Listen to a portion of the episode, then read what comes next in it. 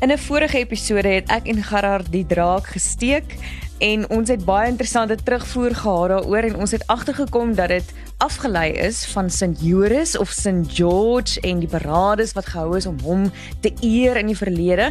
En toe het ons begin wonder waar kom drake vandaan? Het daar regtig so iets bestaan? Ons lees immers in die Bybel van drake, so waar kom ons aan die konsep daarvan? Kom spring op en vlieg saam terwyl ons uitvind Hoe steek die vurk in die draak se stert? Hoe nou? Met Suan Miller Maree en Gerard van Huisteen. Hoe nou word moontlik gemaak deur afrikaans.com.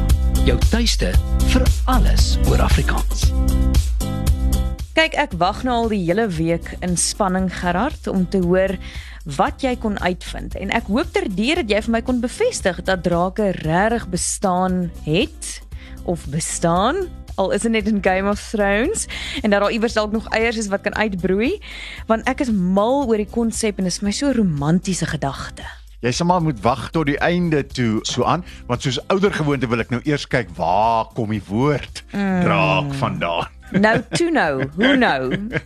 So ons kry die woord uit die aard van die saak via Nederlands, met die oudste optekening daarvan in 1133 in die pleknaam Hole Draka hol van die draak, die draak se grot, nê? Nee. Let wel, die draak se grot of die hol van die draak, nie die draak se. Dis hy, dis hy. Nou, daai draka het ons uit die Latyn uitgeleen wat dit weer uit antieke Grieks gekry het as drakon. En daar het dit al die betekenis gehad in die antieke Grieks van 'n draak, oftewel 'n reuse slang nê, nee, 'n enorme ah. snel wat natuurlik verklaar hoekom ons dan ook in die Nuwe Testament wat in Grieks geskryf is, ook dan nou lees van hierdie draak, nê, nee, want dit verwys na die slang en na Satan as dit ware. Sjoe. Ja, presies. Nou verder terug in die tyd hou die woord waarskynlik verband met die proto-indo-europese woord derk wat beteken om te kyk of om te sien nê? Nee? So 'n draak is daai een wat stip vir jou kyk, wat jou kan kyk tot jy dood is, nê? Nee? If looks could kill you. Daai, daai, ja. presies daai. Ons het dit eintlik bietjie meer 'n negatiewe konnotasies wat ek besef het, nê, nee, ja, deesdae in die flieks of in baie flieks word drake partykeer amper meer romanties uitgebeeld Precies. as as boosaardig. Absoluut, absoluut. Goed, nou as ons dit by die Grieke gekry het, kon die Engelse seker hulle dragon ook van daardie drakon aflei? Absoluut, sonder twyfel. En terwyl jy nou so slim wil hou, kan jy aan ander Afrikaanse of Engelse woorde dink wat uit daai selfde Griekse woord uitsprei, daai drakon. Drakon, okay, so 'n basis van drakon. Dragon, dis nie wagon nie, nê. Nee.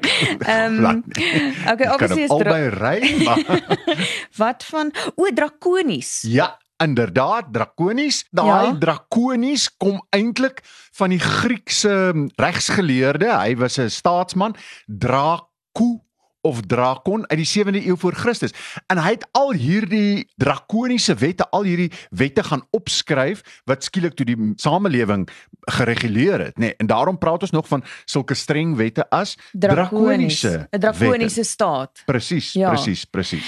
En wat van Dracula? Absoluut, Bram Stoker natuurlik. Bram Stoker het die naam uit die Romeins oorgeneem waar dit letterlik beteken seun van Dracul.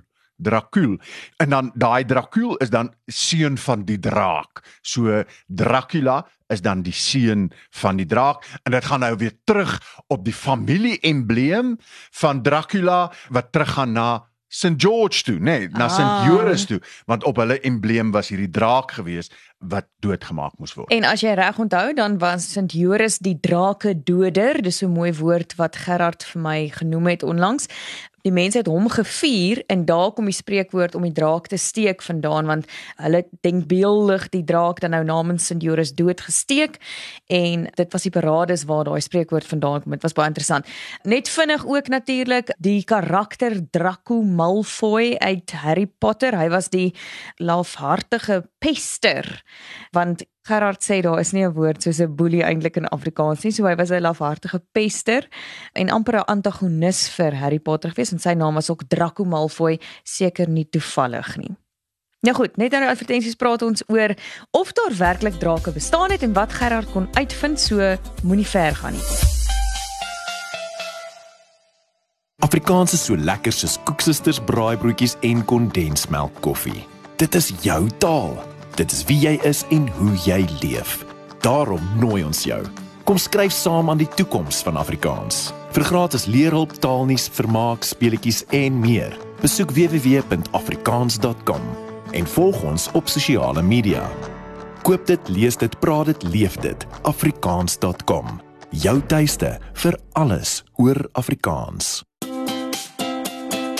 Jy luister na Hoe nou met Gerard en Swan en Swan en Swan. Dit is tyd om uiteindelik uit te vind wat Gerard kon uitvind oor drake en die bestaan daarvan en ek hoop dat hy nou hier vir my 'n eier gaan onthul as bewys dat drake nog steeds iewers bestaan. So so aan met die huidige kennis tot ons beskikking, kan ons sê nee, daar was nie reusagtige Oh. reptiele met lang sterte wat kon vlieg en vuur blaas nie. OK, maar waar kom ons dan aan hierdie konsep? Ek meen, dis interessant om te sien stamme reg oor die wêreld voordat hulle met mekaar kon kommunikeer, het hierdie konsep gehad en hoe hulle drake gesien het het dalk verskil. So sê net maar die Chinese het vriendelike drake gehad, die Europeërs het kwaai drake gehad, die Bybelse mense het wat noem jy dit Leviathan gehad. Die Leviathan, ja. Ja. Allerhande see-monsters en so aan. Ja, en dit sien ons vandag ook nog in flieks. So die draak kom in bykans alle antieke kulture voor waarvan een van die oudstes is in die 21ste eeu voor die huidige jaartelling. So met ander woorde is 2100 voor Christus in Mesopotamië kry ons van die eerste beskrywings daarvan. Nou so aan daar is al baie navorsing gedoen oor waar hierdie konsep vandaan kom en veral waarom dit in soveel verskillende kulture soos jy sê wat nie in kontak met mekaar was nie voorkom. Nou as mens al ek het verskriklik baie gaan lees hieroor en so aan en ons kan eintlik vandag sê dat dit gesetel is in ons as mens, ons kollektiewe onderbewuste in hierdie vrees, hierdie onderbewuste oorlewingsdrang, die vrees vir reptiele. Dis eintlik waar die hele ding van drake vandaan kom. En dit word dan as dit ware 'n uh, Jungiaanse simbool, nê, nee, van die ewel, dit waarvoor ons versigtig moet wees, dit waarvoor ons ons kinders waarteen ons ons kinders moet waarsku, en dis dan so 'n meme of 'n troop wat eintlik oorgedra word van geslag tot geslag al vir derduisende jare, want dit word hierdie simbool wat ons kan gebruik om goed te verstaan wat ons andersins nie kan verklaar met die wetenskap nie, né? Nee? Ons kan nie hierdie vrees wat ons het vir reptiele verklaar met die wetenskap nie. So dan word dit vir ons 'n manier om dit te kan verklaar. En die verhaal van Adam en Eva versterk natuurlik ons vrees, ons kollektiewe instinktiewe ou eeue oue vrees vir, vir reptiele. vir slange. Wel, wat eers 'n reptiel was en toe verloor hy mos nou sy sy pote na die Presies. Na, na dit wat hy gedoen het. Die slang. So behalwe vir daai verhaal ook wat deel is van ons kultuur.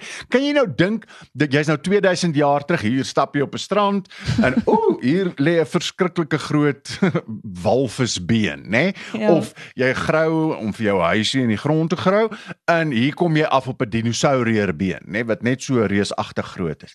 Jy het nie 'n manier om dit te verklaar nie want ons het nog nie die wetenskap op daai stadium nie. En dan kom jy vorendag met hierdie stories soos van 'n draak om dit dan byvoorbeeld te kan verklaar. Nou dit bring my by my teorie en dit is dat mm. -hmm. mense na dinosourusse verwys het as drake want daai tyd kon hulle nog nie gesê het o oh, ja hier is 'n definitiewe skelet van 'n Pteranodon of 'n Diplodocus of 'n Dinosaurus rex nie hulle het dalk kollektief verwys na dinosaurusbeendere as drake want dis iets wat groot is en wat gevaarlik is Mm. Mhm dit maak nie vir Gerard sin nie Ja, so dit is daai ding van nê, nee, ons gebruik dan hierdie mites, hierdie stories van 'n draak. Ja. Maar ons kan nou nie sê dat 'n dinosourier was 'n draak nie, nê. Nee. Maar ons sal seker nooit heeltemal kan weet nie want alles wat ons nou net bespiegel het bly op hierdie stadium teorieë. Ag, so aan en omdat jy gesê teorieë, kom ons hoor liewer wat sê die luisteraars. So toe ons laas al oor drake gepraat het, het Louis van Radio Weskus vir ons laat weet hy dink ook drake is dinosourusse en sy gunsteling was um, die Triceratops. Onthou jy die een met die waaieragtige Ja ja ja. ja, skelet ja. en die so snaakse ja, baie flamboyante tipe renoster, nê? Nee. Uh, met 'n waier in die kop. So ek dink ons moet definitief 'n episode doen oor dinosourusse Ja, in die toekoms. absoluut. Klink vir my jy ken eintlik jou dinosauriërs al Mhm. het jy jou net nou 'n bietjie weer spreek daar of verspreek toe jy gepraat het van 'n dinosaurus reeks. Het ek dit gesê? Jy het. Ek vra groot om verskoning En jy- Dino. ek bedoel 'n Tyrannosaurus Rex. En Daar jy sê. ken mos jou dinosauriërs uit jou kop uit. Ek sal so. my Diplodocus poppie saambring, hoor. Okay, gesels saam info@hunou.co.za of luister saam op jou gunsteling streeks radiostasie afrikaans.com of marulamedia.co.za. Tot volgende keer. Doodles. Hoe nou is saamgestel en aangebied deur Suan Miller Maree en Gerard van Huisteen en word moontlik gemaak met die tegniese ondersteuning van Marula Media en die finansiële ondersteuning van afrikaans.com. Jou tuiste vir alles oor Afrikaans.